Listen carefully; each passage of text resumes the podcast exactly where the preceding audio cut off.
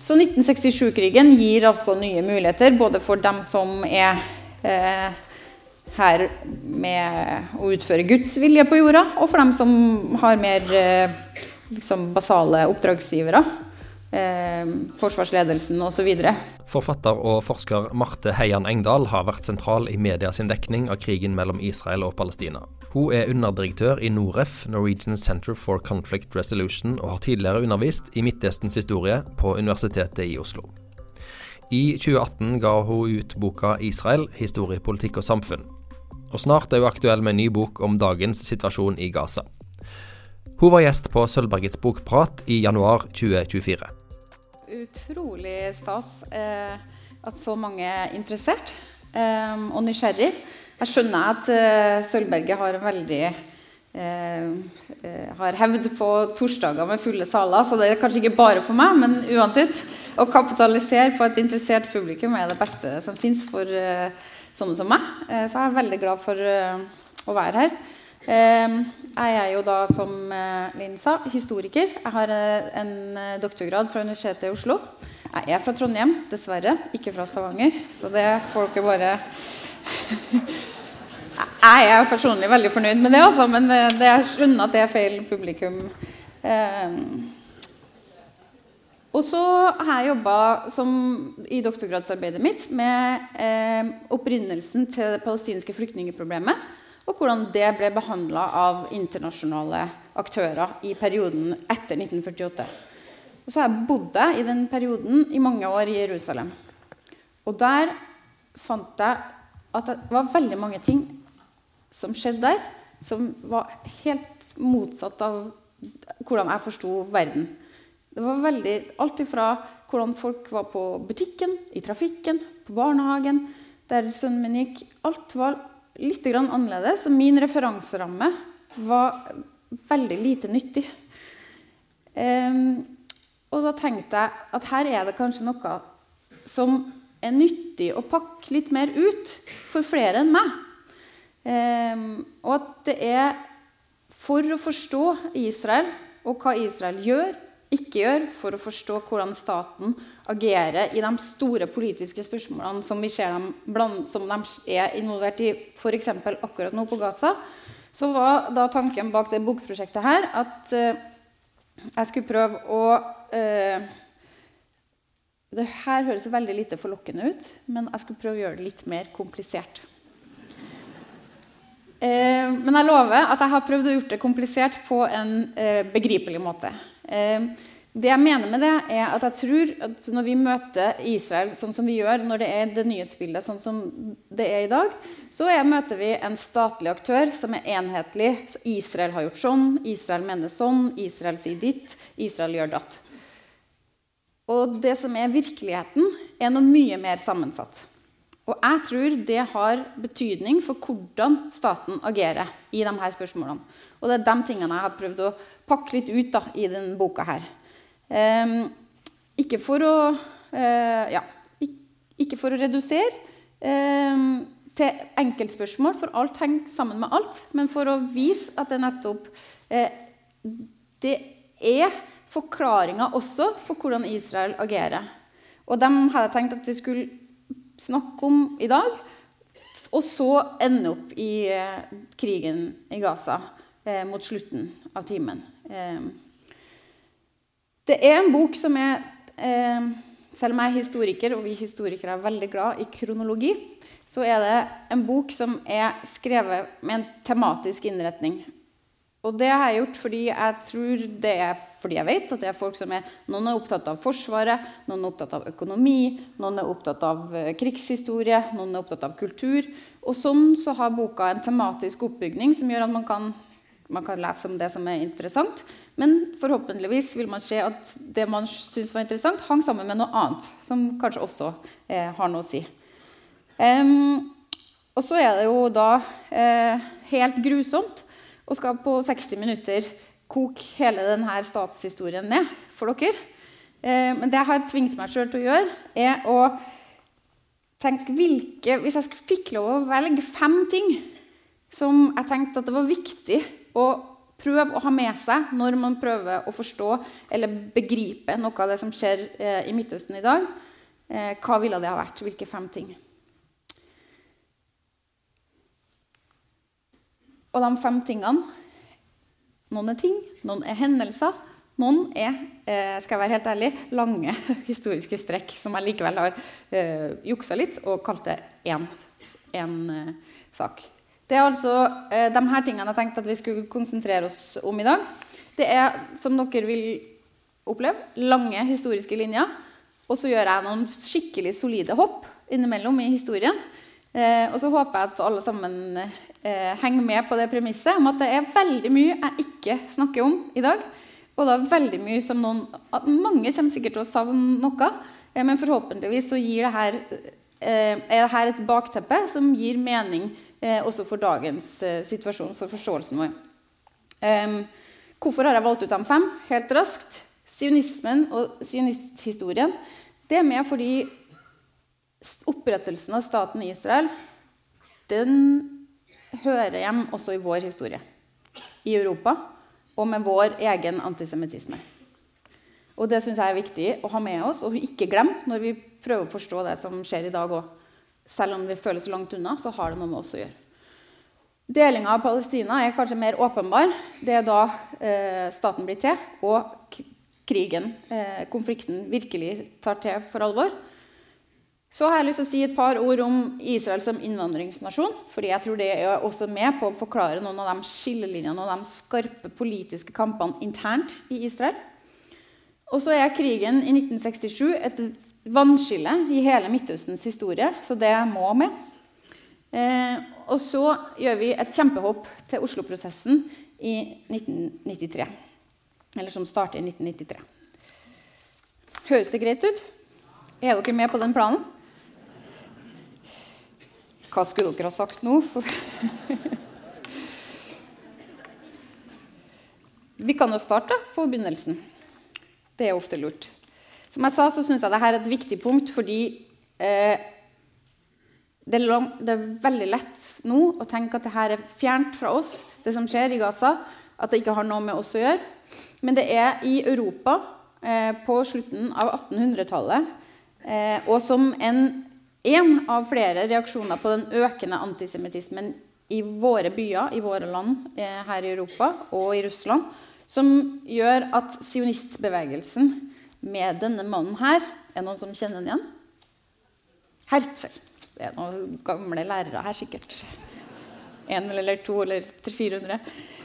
Um, Herzl er altså sionistbevegelsens uh, ideologiske far. Han er den som si, formulerer tydeligst Det er mange rundt han, men det er han er den som formulerer tydeligst at situasjonen i Europa sånn som den er nå, den antisemittismen, den økende nasjonalismen, den er uholdbar for Europas jøder. Det går ikke an for dem å finne trygghet i de her eh, europeiske nasjonene. Han, eh, konklusjonen hans er at jødene må ha en egen stat. Det er altså en egen jødisk stat. Etter hvert får det også et geografisk eh, siktemål. Og det er ikke tilfeldig at det er Palestina. Det er viktige steder i eh, bibelhistorien og i, religiøs, eh, i jødedommen. Og, har, og, Sion er jo da eh, eh, navnet på Jerusalem.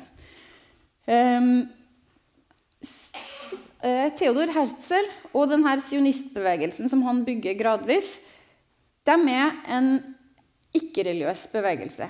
De jobber for en jødisk stat, altså det er en nasjonalistisk bevegelse, men som ikke eh, henter eh, sin eh, begrunnelse i religionen. Og Det gjør at Herzl og sionistbevegelsen kommer på kollisjonskurs med de konservative jødene altså ultraortodokse og ortodokse jøder. For for dem så er det ikke staten, statlige interesser, grenser, sånn suverenitet, sånne type prinsipper som man snakker om i eh, europeisk sammenheng eller internasjonal sammenheng, som er viktig. Som er viktig, og som er viktigst, er Guds lov. Det er Torans ord, og det er den religiøse praksisen. At noe skal komme over det, er for dem helt utenkelig. Og dette er jo et kjempeproblem for sionistbevegelsen. så klart, For ikke bare de, må de overbevise en rekke internasjonale eh, spillere om at det er viktig for dem å få dette landet i Palestina til opprettelsen av sin eh, jødiske drømmestat. Men de har altså slitt med å få med seg sine egne i hermetegn. Altså dem som er på det tidspunktet her som vi vi kanskje beskriver som bærere av det jødiske. De sier nei, tusen takk, vi avstår helt fra det der statsprosjektet. Det har vi ikke noe bruk for.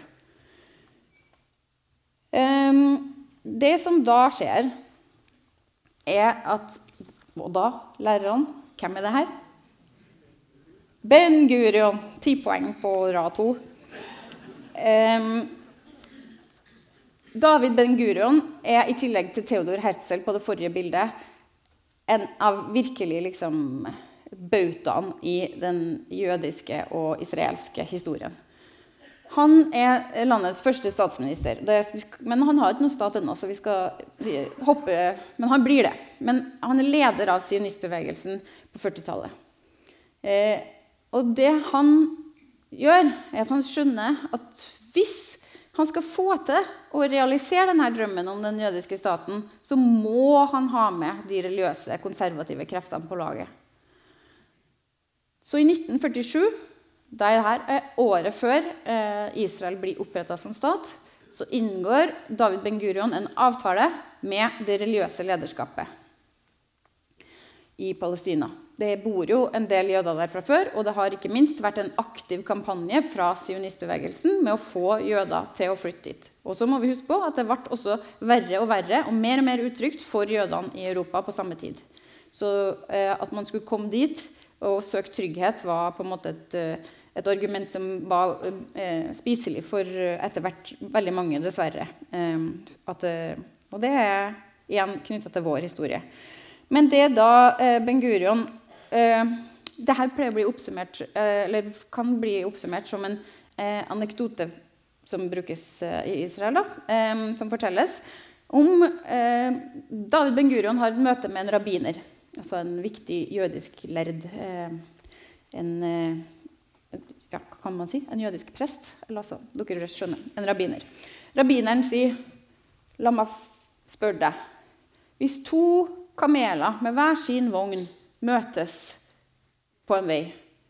Én har ingenting i lasten.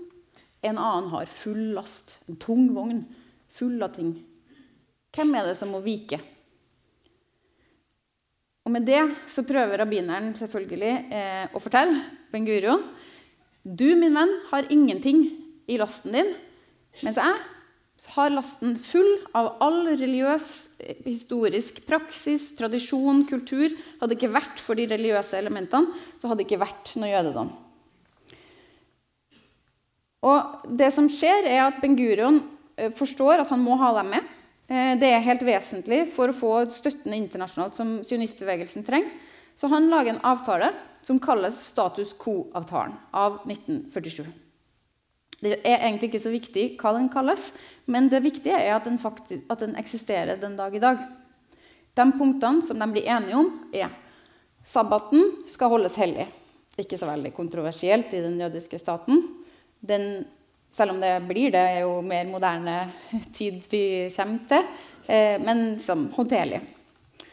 Eh, I tillegg så blir de enige om lover Ben Gurion at hvis de ultraortodokse støtter opprettelsen Eh, statsprosjektet, eh, så blir det også sånn at i den nye staten så skal alle offentlige bygg følge korserreglementet. Altså to separate kjøkken. Et for kjøtt og et for meieriprodukter. Og det, skal, eh, det, er det som er praksis. Gjennom, skal gjennomsyre all statlig struktur. Også ganske greit punkt. Skape liksom to kjøkken, men det er jo håndterlig. Det tredje punktet er at de religiøse skal selv få beholde all definisjonsmakt over hva det er de utdanner sine unge til i de religiøse skolene, det som kalles yeshiva på hebraisk. I disse rommene så er det ingen offentlig, statlig inngripen i hva som er på pensum, eller hvilke fag det, er det undervises i. Det er fortsatt sant i dag. Hvilket betyr at alle de her unge religiøse eh, menn som går i de her eh, lærestedene, fortsatt ikke har undervisning i f.eks. matematikk, engelsk, naturfag. Det syns lærerne var litt eh, betenkelig. Det merker jeg meg. Og så blir de også enige om at den offentlige verneplikten ikke skal innebefatte de eh, ultraortodokse. De må være fritatt fordi det de skal gjøre for å liksom, bygge nasjonen, er ikke å eh, avtjene allmenn verneplikt som resten, men å konsentrere seg om de religiøse studiene sine. Det er tross alt, hvis du husker rabbinerens eh, kamelvogn, det som gjør at denne staten har innhold. Det er også eh, et, det har blitt et av de aller vondeste stridstemaene internt i israelsk politikk. Og det stammer altså fra 1947. Det siste punktet er også veldig viktig, fordi det gir, med det så gir Ben Gurion eh, de religiøse domstolene eh, all makt, eller stort sett all makt, i alle spørsmål som har noe med, våre, med privatlivet å gjøre. Altså alle her eh, eh, altså, Alle ting som barnedåp, eh, skilsmisser, giftermål, begravelser Alle sånne typer spørsmål avgjøres i religiøse domstoler, ikke i sekulære. hvis det er noe strid om noe. Eh, det betyr jo selvfølgelig, som dere nå alle har skjønt, at det er egentlig ganske stor makt i de spørsmålene som eh, Ben Gurion har overgitt nå da, til de religiøse. Men i bytte mot det så får han den støtten han trenger. Og Det er derfor det her ofte refereres til som et fornuftsekteskap. Det gir mening, begge får noe. Men etter hvert det her er jo da en ganske liten befolkningsgruppe. Det er jo som nå er vi i 1947, og da har vi jo hoppa over det vondeste i den jødiske historien av alt, nemlig holocaust. Så veldig mange av de her eh, De ultraortodokse er jo også, som dere vet, synlig jødisk i den forstand at de har på seg tradisjonelle klær, tradisjonelle hår. Så de har jo eh, holocaust og det eh, massemordet på jødene i Europa da gått svært hardt utover. Så de er få. Så det er Han har gitt bort det som virker ufarlig, men som har blitt vonde stridstema i det moderne statens eh, For nå er det jo selvfølgelig Hvis vi tar vernepliktsspørsmålet, skal komme tilbake til det, men det er jo da oppfatta som uhyre urettferdig når så mange andre, majoriteten, må sende sine sønner og døtre inn i verneplikten og nå også inn i krigen, mens de ultraortodokse ikke skal gjøre noen ting, er fritatt for det. Um, og det samme er det eh, store protester mot de, den store makta som den religiøse Nå sier jeg religiøse, men de, det er alt det grader av religion vi snakker om her. Men når jeg sier det, så mener jeg dem som er på ultraortodoks side av det religiøse spekteret. Men at de skal ha, den minoriteten skal ha så stor makt over eh, majoriteten, som er eh, enten ikke-religiøs eller religiøs på mindre eh, dominerende vis, eh, det blir etter hvert veldig vondt og vanskelig. Og ikke bare det, men de vokser også veldig fort, denne befolkningsgruppa. De er, får eh, seks til sju barn hver familie. Eh, og da kan dere tenke dere når skolesystemet, verneplikten, de private spørsmålene og det her er, De skal ikke gjøre noen ting av det her. De jobber altså stort sett ikke. Og de mottar barnebidrag eh, og offentlige ytelser eh, i stor skala. Så det er en velferdsstat som har bikka helt eh, ut av kontroll. Fordi dette er da en gruppe som er ikke lenger den lille gruppa som Gurion gikk inn i en avtale med, men etter hvert en veldig stor del av den israelske befolkninga, og som dermed eh, bidrar mye mindre enn det de krever eh, og får av staten i retur.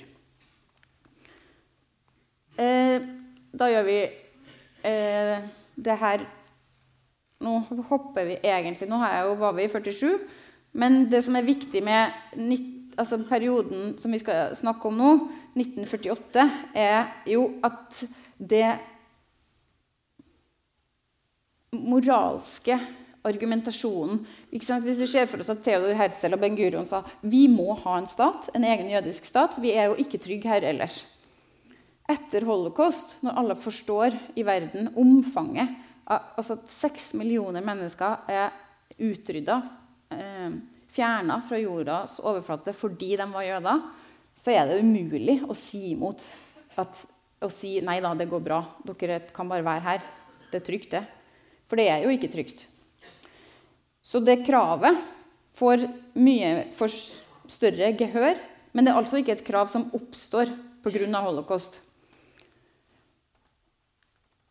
Så da eh, går eh, spørsmålet For da er det jo eh, Nå har snakka litt om sionistbevegelsens interne problemer i det jødiske samfunnet. Men et annet ganske stort problem er at det landet der de har lyst til å opprette staten sin, er også befolka av noen andre. Ikke som er en stat da, og ikke som eh, eh, har faste grenser. fordi det her er jo da eh, et britisk koloni, på, eller mandat, men det blir stort sett det samme eh, på den tida her. Men det er jo da arabiske palestinere som bor i det som vi kaller historiske Palestina. Mandat-Palestina. De har i helt siden Storbritannia tok kontroll i 1917 under første verdenskrig og fram og gjennom hele mellomkrigstida, gjennom andre verdenskrig, vært i stor og sterk og tydelig opposisjon til sionistbevegelsens prosjekt. De syns ikke det er rettferdig at de skal være dem som betaler for at jødene ikke kan være trygge i Europa. Så de, der er det alt som vi ville ha kalt borgerkrig. Eh, det er opprør, det er sammenstøt, det er arrestasjoner, det er full fyr i teltet allerede. Eh, og Storbritannia får nok av hele greia og sier det hadde vært veldig fint hvis FN kunne ta seg av det her isteden. FN er jo da nyoppretta. Eh, det er i 1947. Og konklusjonen til den første kommisjonen som reiser til området for å finne ut hva skal vi gjøre med det problemet, er landet må deles. Det er ikke så kjempelett sikkert for dere bakerst, kanskje til og med ikke for dere først, å se det her. Men eh, det FN Ser dere sånn cirka fargekonturene, i hvert fall? det er bra. Eh, det FN gjør, er å dele området inn i de her litt finurlig inndelte Så det her, det beige her skulle da være den uavhengige arabiske staten. Mens det blå, som du ser det henger så vidt sammen her, skulle, den, skulle gå til den jødiske staten. Den rosa flekken i midten er Jerusalem, og den kan dessverre ingen få, fordi den vil alle ha. Og da skal FN passe på den sjøl isteden. Ehm, det går som varsla. Eh, Israel proklamerer staten eh, altså etablere den. Ben Gurion i en høytidelig seremoni sier nå er staten, jødiske staten Israel oppretta. Og dagen etter så erklærer de arabiske nabolandene krig mot staten. Det går altså ikke én time uten at staten er i krig. Um, I den krigen, det er da kartet som er siden av her, så gjør faktisk denne lille nyfødte staten det mye bedre militært enn man kunne forvente. De vinner store, nye områder. Så det som her skulle være den, gå til den uh, uavhengige arabiske staten ifølge FN, det vinner Israel. Så alle de lilla uh, områdene her har Israel utvida bare på dem, den korte perioden som har gått siden FN høsten 1947 anbefalte at det kartlinjene skulle trekkes sånn som på det første kartet. Et kanskje for vår del og for forståelsen vår for det som foregår i dag, enda større problem, er at eh, med den krigen så Altså før krigen starter, når det er urolige områder fra før, underveis i krigen og etterpå Uansett hele den perioden eh, i de årene her, så flykter rundt 750 000 palestinere fra hjemmene sine i det som da blir staten Israel. Det er eh, for Israel selvfølgelig en triumf at de har gjort det så bra militært, og at staten er etablert. Og den har ikke bare blitt etablert, den har faktisk overlevd et angrep fra en ganske sterk eh, presumptivt eh, motstander i de arabiske nabolandene. Eh, og denne prøvelsen har de motstått og vunnet over. Så det er en triumf for Israel. Og for palestinerne så er den samme triumfen en tragedie. Og sånn går denne fra første øyeblikk eh, katastrofen og uavhengigheten, triumfen og tragedien sammen. Tett sammenvikla. Du får ikke tatt dem fra hverandre. Eh, for eh, og, og, det er fortsatt eh, riktig eh, det er fortsatt riktig i dag. Det vises i dag. Det skal jeg komme tilbake til. Ja. Mm, et par ord må vi si om Israel i de her årene som kommer. Det kom jo Det ble jo da ikke, Nå vi det vi har snakka bitte litt om at da, for, som dere forstår, fra den 1948-krigen så var det også et enormt upopulært prosjekt eh, i hele det, resten av Midtøsten-regionen at det ble oppretta denne jødiske staten. Det det medførte, var at for de jødene som bodde i alle andre land rundt, så ble det mer eller mindre ulevelig. Så både fordi de måtte, fordi det ikke var lenge var trygt i de arabiske eh, landene, men også fordi eh, Israel jobba systematisk med å hente dem til den jødiske staten, så kom det jøder fra alle verdens hjørner omtrent til Israel. Og når altså Vi snakker om eh, de, det som kalles misrahi, altså østlige jøder fra eh, Iran, men stort sett fra den arabiske verden. Vi snakker om eh, europeerne, eh, ashkenazi-jødene. Det er de som var der, eh, som var liksom dominerende på bakken fra før. Og allerede der så vil jo kanskje mange stusse. Hva er det, tror dere, at det er veldig mye fellestrekk mellom ville vi ellers ha sagt at uh, polakker og franskmenn hadde veldig mye til felles. Kulturelt eller eh, matveien eller uh, politisk. antagelig ikke. Men i den sammenhengen her så blir de én gruppe. Og Så kommer det etter hvert jøder fra Etiopia. Det kommer jøder fra tidligere Sovjetunionen, fra Russland. og så kommer det selvfølgelig noen amerikanske jøder. uansett, loven er at alle er velkommen. Er du jødisk, så har du rett til å returnere såkalt, til Israel. Uansett om du har vært der før eller ikke, spiller ingen rolle. Du har rett til å bli statsborger. Eh, det er riktignok en pågående kamp for å definere hva det er som, hvilken type eh, jøde er jødisk nok for den jødiske staten. Eh, men det er en, et spørsmål som vi, jeg tror vi skal Det er ganske intrikat, og vi lar det ligge akkurat nå. Men eh, det er derfor jeg trekker det fram her, er for å bare understreke at i denne jødiske staten så skal de på 50-tallet altså in inkludere og eh, integrere eh, jøder med helt forskjellig bakgrunn. Språklig, kulturelt, historisk. Og mange av dem kommer da fra land som er i krig med den nye hjemstaten sin. Altså, dem er fienden. Så dem eh, som er fra de arabiske landene, f.eks., må legge fra seg sin musikk, sin poesi, sin litteratur, sin mat.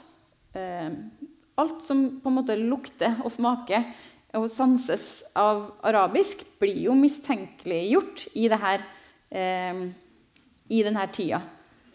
Eh, og i det så ligger det en kime til en konflikt som er i det politiske Israel også i dag. Eh, jeg skal komme litt tilbake til det etterpå, tenkte jeg. Men hvis dere, eh, de som har fått med seg at det har vært fram til 7. oktober ukentlige demonstrasjoner i Israel pga. regjeringas foreslåtte eh, de kaller det reform, noen sier justering, andre sier kupp. Eh, forsøk mot rettsstaten. Eh, det har egentlig også utspring i at det er en, eh, etter hvert en eh, stor misnøye i den Nå skal vi holde tunga eh, rett i munnen. I den arabiske jødiske befolkninga i Israel. Som føler at de i, eh, i nesten alle samfunnsstrukturer har vært underrepresentert eh, og diskriminert mot. Det er én veldig viktig ting i tillegg, som er grunnen til at jeg tok med det punktet her. Og det er at hvordan skal du få alle de her til å bli ett og samme folk? Det er jo utrolig vanskelig. Men det Ben Gurion har, er en tanke om at det mest effektive verktøyet for å virkelig få alle til å bli én og ett, er den allmenne verneplikten. Hvis alle puttes inn i fabrikkformen som gir en IDF, en, en, forsvar, en soldat Putt hva som helst inn der, og ut kommer det en soldat. På de årene vedkommende har vært i trening, vært i kamp kanskje, vært i, fronten, vært sammen, så har du skapt eh, en israeler. Ikke bare det, det er ikke bare det som trengs, men det er et veldig, veldig viktig eh, instrument for å bygge den nasjonale følelsen, og ikke minst for å forsvare staten. Eh, og det er selvfølgelig også en stor del økonomi i det å ha alle. Så den allmenne verneplikten er en veldig viktig del av det israelske kollektivet. Det er en del av dugnaden. Det gjør du. Du gir tre til fire år av livet ditt til staten ved å avkjenne verneplikt. Og I tillegg så gir du en, ofte én måned i året som reservist. Og så, Derfra så får du den eh, Det sies ofte at eh, Israel er en nasjon hvis innbyggere er soldater på elleve måneders perm. Og det betyr jo noe når staten er i krig. Og det betyr i alle fall noe når 120 av dem er kidnappa eller tatt til fange i Gaza. Og det betyr i alle fall noe når, staten, når de her soldatlivene eh, skal stå over lang tid i Gaza. Ehm, for da det staten har forplikta seg til, er å gjøre alt de kan for å få sine hjem. Og det er ikke en kjempediger nasjon vi snakker om. Det er veldig små forhold, egentlig. Alle kjenner noen som er berørt, som er kidnappa, som er drept, som er skadd, eller som er i fronten. Eh, så det gjør på en måte at alt som skjer med IDF, det israelske forsvaret, har en egen dynamikk. Eh, de som leder Forsvaret, er ofte mektige, går ofte inn i politikken etterpå. Det er en sånn veldig sentral del av det å være israeler. er det å være en del av det israelske forsvaret. De unntakene de er dere sikkert nysgjerrige på nå. Alle skal alt som er, men ikke de ultraortodokse. Dette visste dere fra før. Det hadde dere lært for eh, et kvarter siden. Og ikke de palestinske israelerne. For dem er foreløpig ikke nevnt som en del av innvandrings-Israel. Og det er jo fordi de hadde jo ikke innvandra. De hadde jo bare bodd der de alltid bodde. Og vips, over natta så var det der stedet der de bodde, har blitt til den jødiske staten Israel. Men de var fortsatt muslimske og kristne palestinere som bodde eh, som ikke hadde flytta på seg, i det hele tatt, men som plutselig var innbyggere i en annen stat. Og de avtjener ikke allmenn verneplikt. I det herre av russiske, etiopiske, arabiske, iranske, eh, europeiske, palestinske israelerne Min erfaring fra å ha bodd der, og sånn som jeg forstår det israelske samfunnet det omtales noen gang som en smeltedigel. Du gjennom IDF-maskineriet fikk den israeleren. Du bare rører det sammen, og så ut kommer liksom en israeler. Det er mer en salat enn en suppe. Det er, ikke, det er fortsatt veldig eh, gruppevis. Og dette utgjør store, dype skillelinjer. Eh, ikke bare pga. etnisitet, men det er en del av det. Eh, og det er med på å dra staten i ulike retninger eh, internt. i alle øyeblikk der de ikke er forent mot en felles fiende, sånn som de er nå. Så det er veldig vanskelig å få øye på de her eh, kontrastene og de her nyansene når staten er i krig. 1967-krigen den var for Israel enda en eh, stor seier.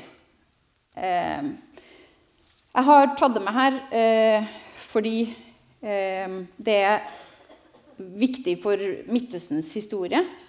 Det er den israelske okkupasjonen av palestinsk land. Den sporer vi liksom oftest tilbake altså Mange sporer den tilbake til 1948, som dere har skjønt nå. Eh, men i det internasjonale samfunnet så er det grensene fra før krigen starta i 1967, som er det man refererer til når man snakker om der tostatsløsningen må finne sine grenser. Det er altså eh, det geografiske utgangspunktet. Eh, det er en formidabel seier militært på bare seks dager så vinner den israelske hæren fram på samtlige fronter. De okkuperer eh, Golanhøyden fra Syria. De okkuperer Sinai-halvøya fra Egypt. Eh, og Egypt er jo da altså på det tidspunktet her de som kontrollerer Gazastripa. Så Israel får også eh, kontroll over Gazastripa og Vestbredden inkludert Øst-Jerusalem. Um, så nå er hele dette området under israelsk kontroll. Og for noen så er det ikke rart. Fordi det her er det Gud har lovt. Miraklenes tid er ikke forbi. Nei, snarere tvert imot. Det har akkurat begynt. Dette blir en bekreftelse på profetien som sier at Gud har gitt landet til jødene. Bare se. Hvordan skulle det ellers være mulig for oss å vinne på denne måten? Den gjengen får god støtte fra dem som ikke er så opptatt av religionen, men som er opptatt av hva er det som gir forsvarbare grenser. For det landet som Israel har erobra, det området som de kontrollerer etter krigen i 1967, er mye lettere å forsvare. Det gjør det vanskeligere for Jordan å angripe, eller andre som skulle gjøre det, fordi det utvider landets såkalt strategiske dybde. Det blir bredere, rett og slett, Israel på det tidspunktet. Hvis dere husker det første kartet fra 1947-forslaget og 1948, så er Vestbredden er som en sånn stor klump liksom, midt inne i Israel, og som gjør at det er veldig kort vei fra slutten av Vestbredden til Middelhavet. Og det er ganske vanskelig Eh, det er lett for en, hvis du blir angrepet, å dele landet i to og holde øst, nord fra sør. Så for forsvarsledelsen så er det her er ikke et mirakel, men det passer innmari bra. Og derfor så begynner man å bygge. Og man bygger militære installasjoner, og man bygger sivile installasjoner, og man bygger militære installasjoner som blir sivile bosetninger. Og i dag så har den bygginga blitt til over 500 000 bosettere sine hjem på Vestbredden.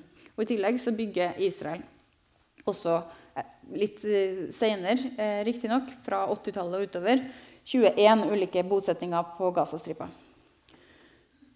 Eh, som, så 1967-krigen gir altså nye muligheter, både for dem som er eh, her med å utføre Guds vilje på jorda, og for dem som har mer eh, liksom, basale oppdragsgivere.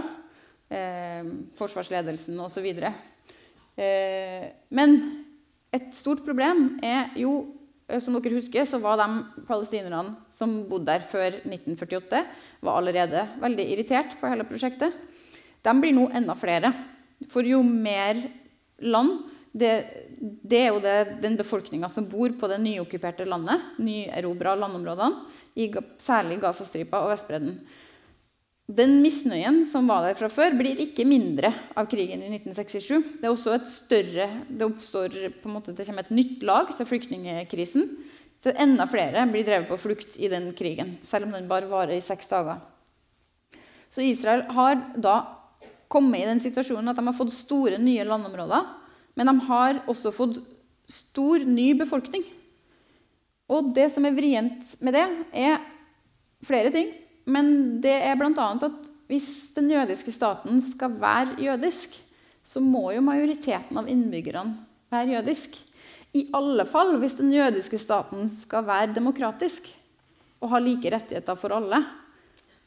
Ehm, så det blir en eh, Det er derfor dette er et veldig viktig øyeblikk å ha med oss eh, videre for å forstå eh, dagen i dag også. Den palestinske nasjonalismen, den som kanskje mange her vil forbinde med liksom Yasser Arafat og PLO og eh, flere terroraksjoner på 70-tallet, f.eks. flykapringer og den slags. München, OL, angrep, terrorangrepet på den israelske eh, OL-troppen osv. Den får jo en voldsom oppsving etter denne krigen. Den har allerede vært der. Det har vært eh, en kime til konflikt helt siden 1948 og enda før det.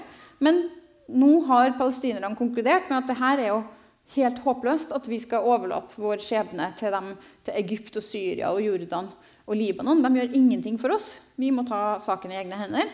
Og den palestinske nasjonalismen vokser fram som et stadig tydeligere, stadig sterkere krav. Og Egypt og Jordan gjør ikke noe hevd på de områdene og sier ja, det er palestinerne som hører hjemme der. Så det er en palestinsk stat som er denne eh, nye, ikke nye, men den bevegelsen som får ny oppsving etter 1967, jobber for. Jerusalem det er, det er kanskje blitt litt tid til å si to ord om det. Jerusalem er et eget problem eh, fordi eh, på Vestbredden så det etableres det to ulike regler. Altså det er et regelsett. Palestinerne blir styrt med militærlov og militærrett. Det er militære domstoler og, og det er egne veier og bebyggelse som er tilgjengelig for de jødiske israelerne som er bosatt på Vestbredden, og for palestinerne. Men i Jerusalem så er jo Israel interessert i hele staten, nei, i hele byen. Så der kan man ikke innføre to ulike eh, rettighetssett, f.eks. Og Israel annekterer Jerusalem og i et kanskje øyeblikk av eh, stormannsgalskap utvide byens grenser. Og hva tror dere skjer med det? Hvem er det som bor i de utvida grensene i Øst-Jerusalem? Det er palestinerne. Så da har de fått enda flere eh, palestinere som en del av innbyggerne, ikke bare i Israel. Og det er da Israel. Det er Israel det regnes som sitt. Ikke noe omstridte områder, sånn som Vestbredden f.eks. omtales som. Men annektert. Det er Israel. Ferdig snakka.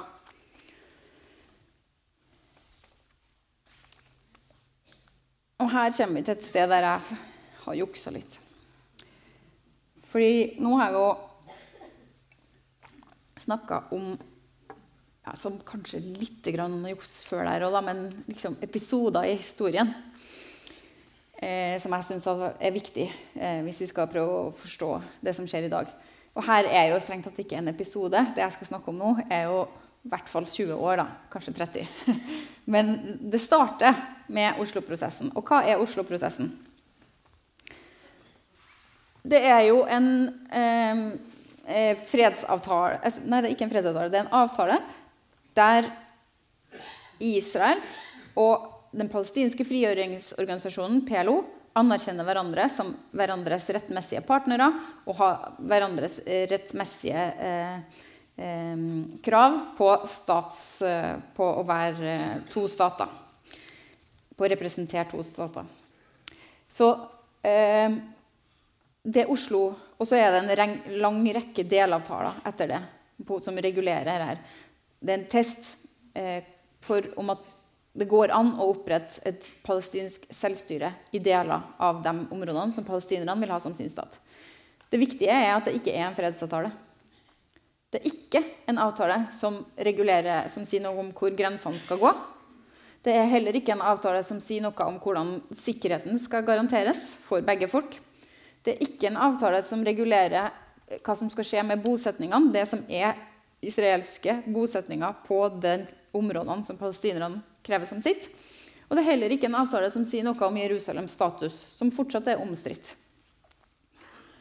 Det er til slutt heller ikke en avtale som tar for seg på noe som helst vis hva som skal skje med de palestinske flyktningene.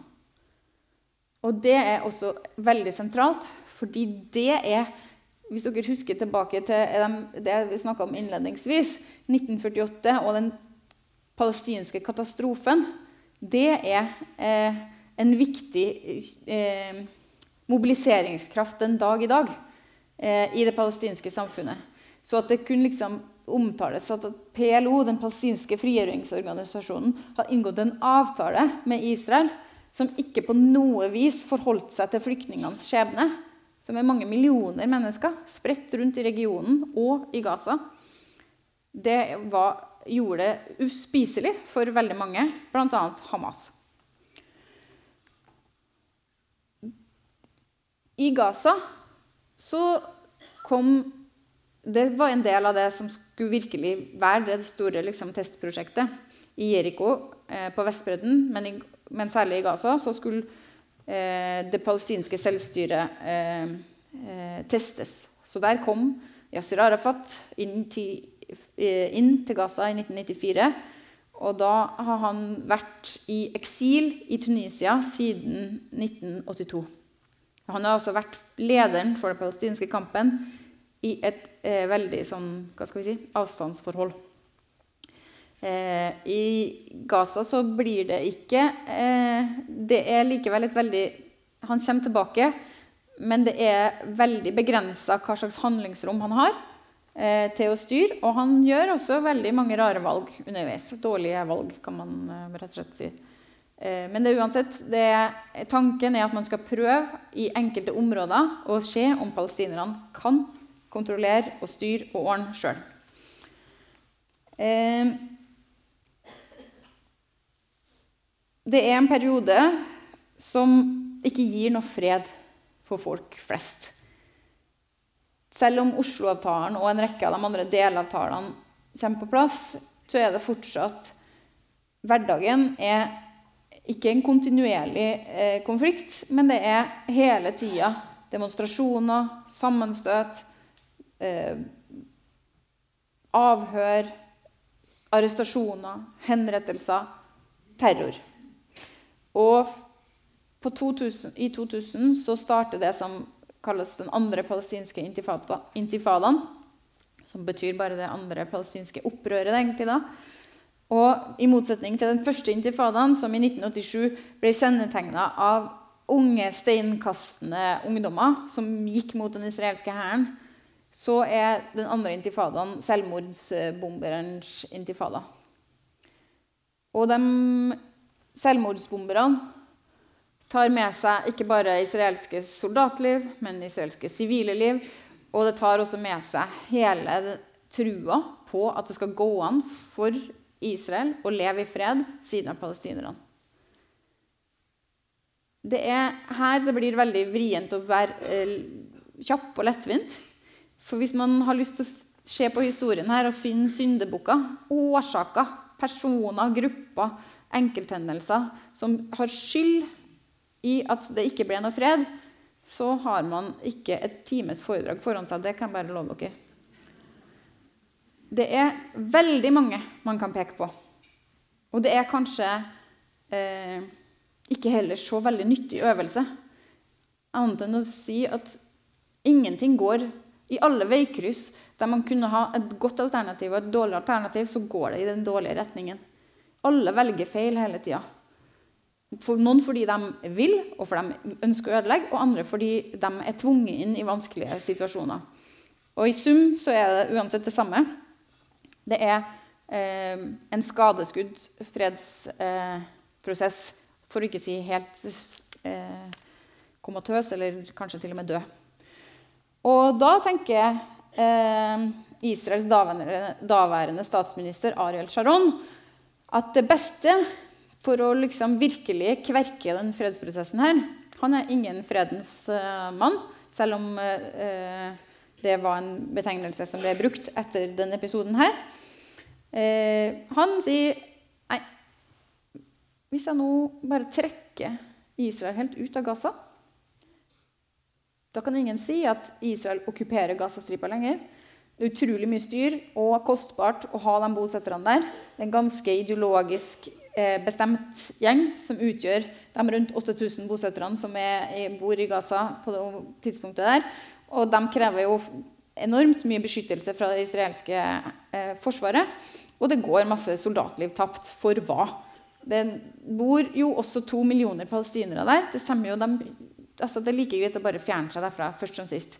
Men siden Sharon ikke er interessert i å gjøre dette for å bygge den palestinske staten eller for å få fart på fredsprosessen, så gjør han det på egen hånd.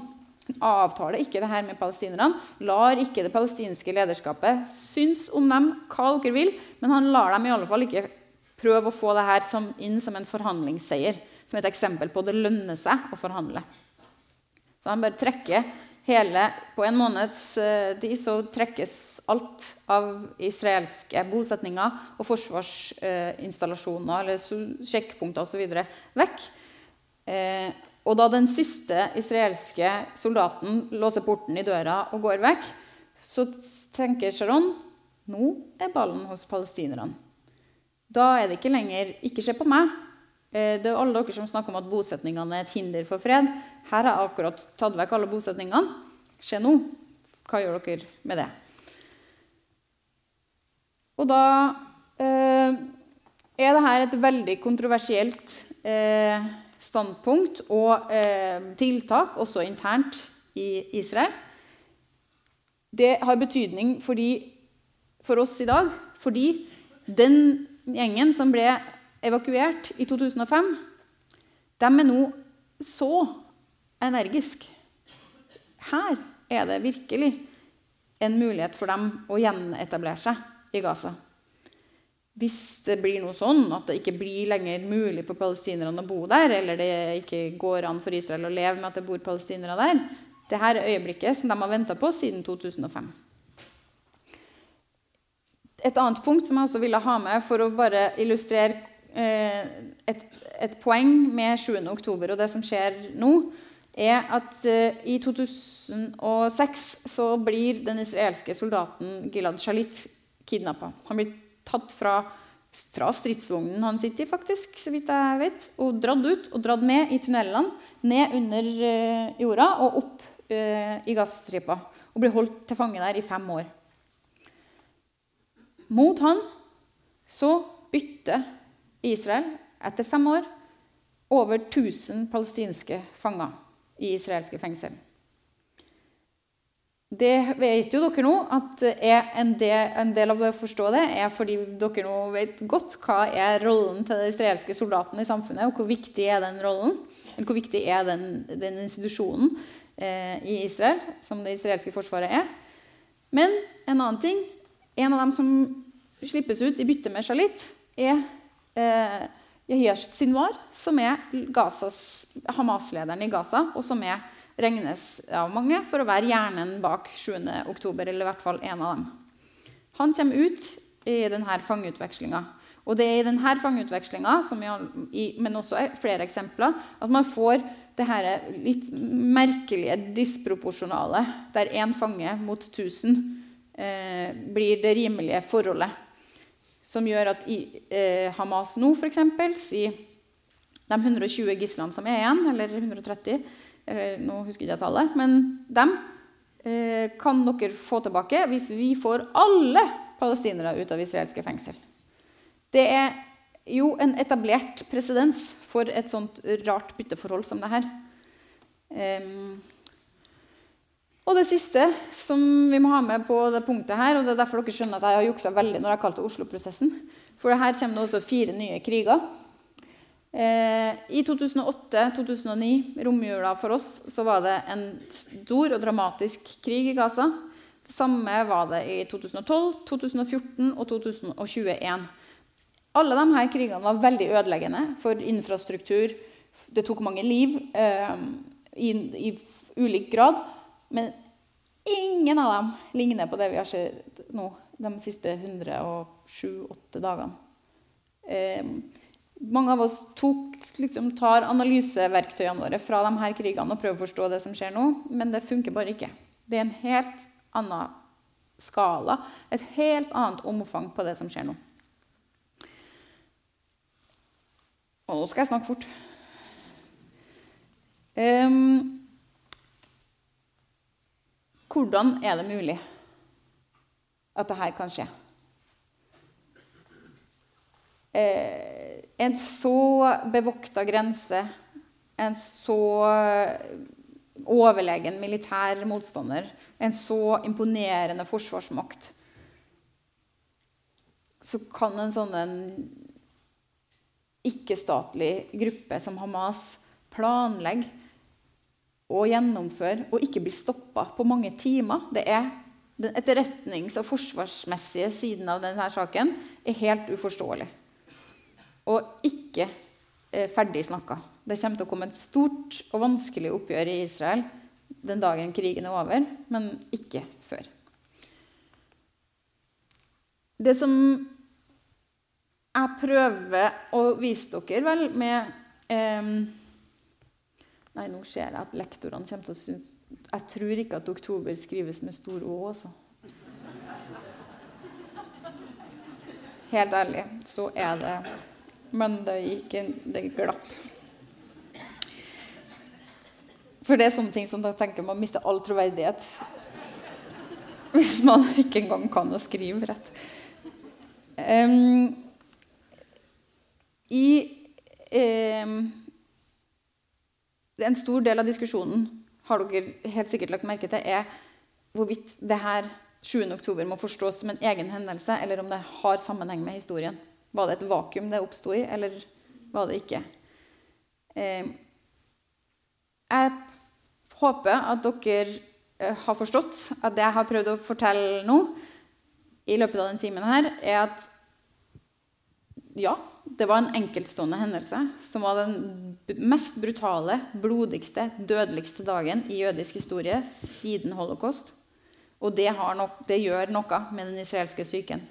Men det er masse historie som vi må forstå i sammenheng opp mot 7. oktober. Det går ikke an å starte tidsregninga si 7. oktober, hvor enn så dramatisk og eh, eh, unik den eh, dagen var. Det var helt åpenbart at uh, selv om Hamas hadde vunnet valget i 2006 og har derfor har det formelle ansvaret for å styre på Gazastripa, så har de hatt det formelle ansvaret i en periode der de også har vært helt isolert fra omverdenen. Vært totalt eh, Det har vært en omfattende blokade.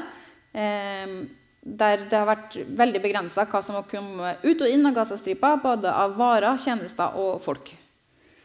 Eh, Hamas har helt sikkert, eh, som alle sånne type grupperinger, eh, mange ulike meninger om hvordan verktøy som er best egnet for å vinne fram saken. For meg er det ganske åpenbart at de som har eh, vunnet den diskusjonen, er de mest radikale, mest eh, vet, religiøse er liksom vanskelig ordbegrep å bruke her, men i alle fall den delen av bevegelsen som ser på det her som sin gud, gudestyrte kamp. Det, det er dem som at det er Allah, og det er en høyere makt, og det er et helt annet tidsløp enn eh, neste år de har i mente når de setter i gang en sånn diskusjon. Eh, den frustrasjonen over å ha havna eh, ute av radaren pga.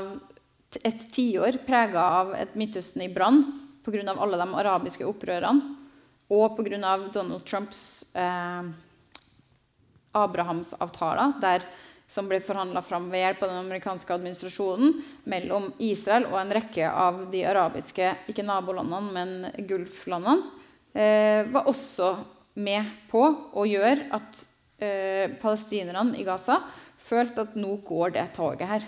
Nå blir vi sittende igjen. Ingen bryr seg. Ingen eh, følger med på oss.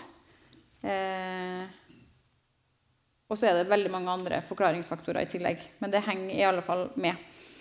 Eh, hvis jeg skal gå inn da for eh, landing, eh, og det skal jeg sikkert eh, Det er den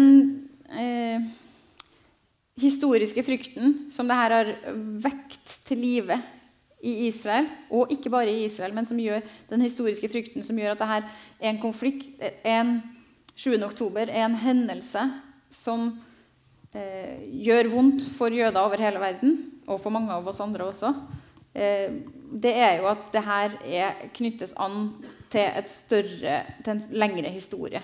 Som er den som vi starta med i dag, nemlig grunnen til at man måtte ha en jødisk stat in the first place.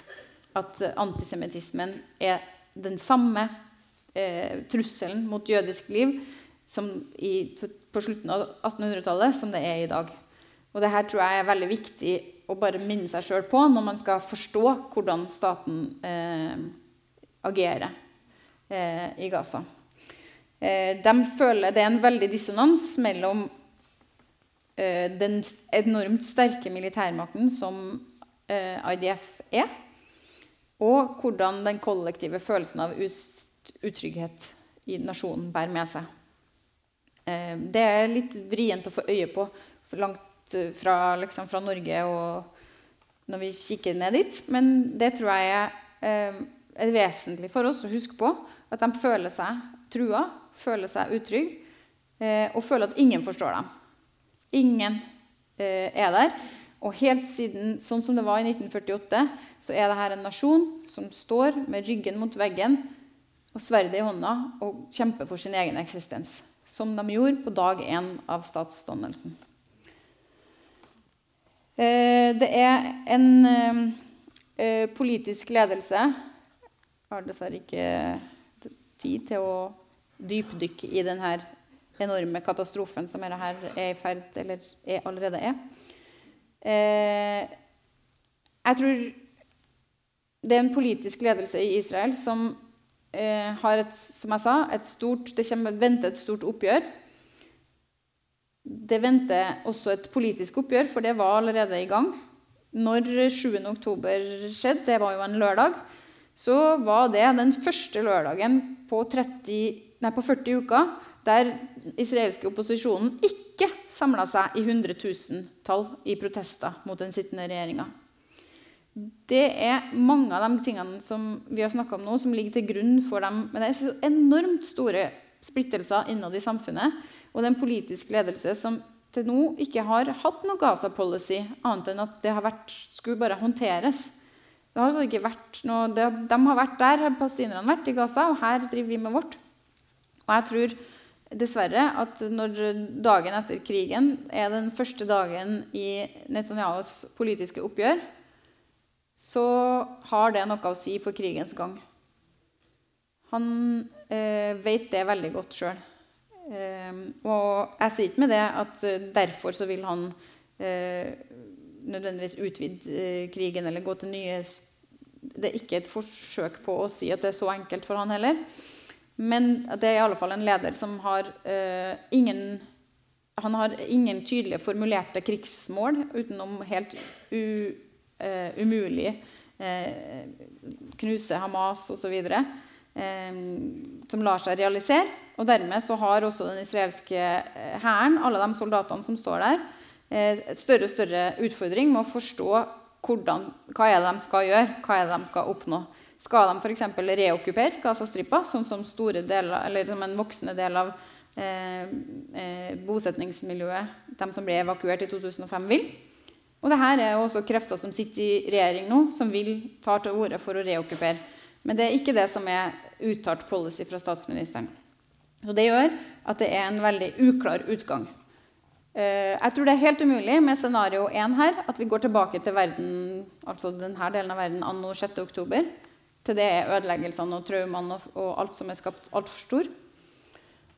Eh, I mitt eh, i min forståelse så er det dessverre mer sannsynlig at dette er bare begynnelsen. At det er en langvarig krig, og en krig som ikke lar seg begrense til Gaza.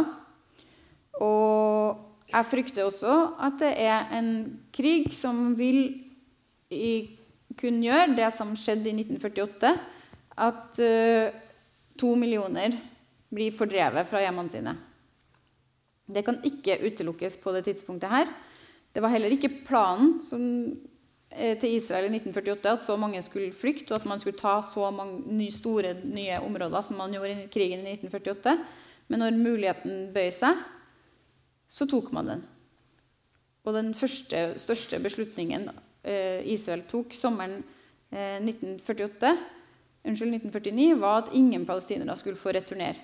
Så vi kan godt jeg tror ikke vi skal i hvert fall slå fra oss scenario der 2,2 millioner blir fordrevet fra Gazastripa og over i Egypt. Og hvis det skjer, så er det en, da er det her vårt 1967-øyeblikk. Det er en dramatisk endring i geografi, fordi det vil bety at Israel reokkuperer Gazastripa. Og det vil være en dramatisk demografisk endring hvis to, over to millioner blir fordrevet. Det vil dessverre ikke gi noe mer sikkerhet for noen. Og det er jo da, for å vende tilbake til utgangspunktet det, Noe av det som jeg personlig syns er det aller tristeste med det her, at opprettelsen av den jødiske staten, som skulle være en trygg havn for verdens jøder, er nå det farligste stedet for jøder å bo i hele verden. Så det er min veldig dystre eh, ende på visa. Jeg håper Aldri har jeg håpet så mye at jeg sa feil. Eh, men det er ikke sånn at historien gjentar seg, men det er historiske linjer her som gjør det mulig for oss å eh, i hvert fall eh, ikke lukke øynene for det som faktisk utspiller seg eh, foran oss. Og så håper jeg at dere også har tatt med dere eh, at det her angår oss. Det er en del av vår felles historie. Og det som skjer der, er ikke noe som foregår langt unna, og som ikke har noe med oss å gjøre. Eh, det har absolutt noe med oss å gjøre. Både pga. vår europeiske historie, vår egen antisemittisme, men også vår diplomatiske involvering i en region som nå nok en gang eh, er i ferd med å gå i tusen knas. Så med det takk for meg.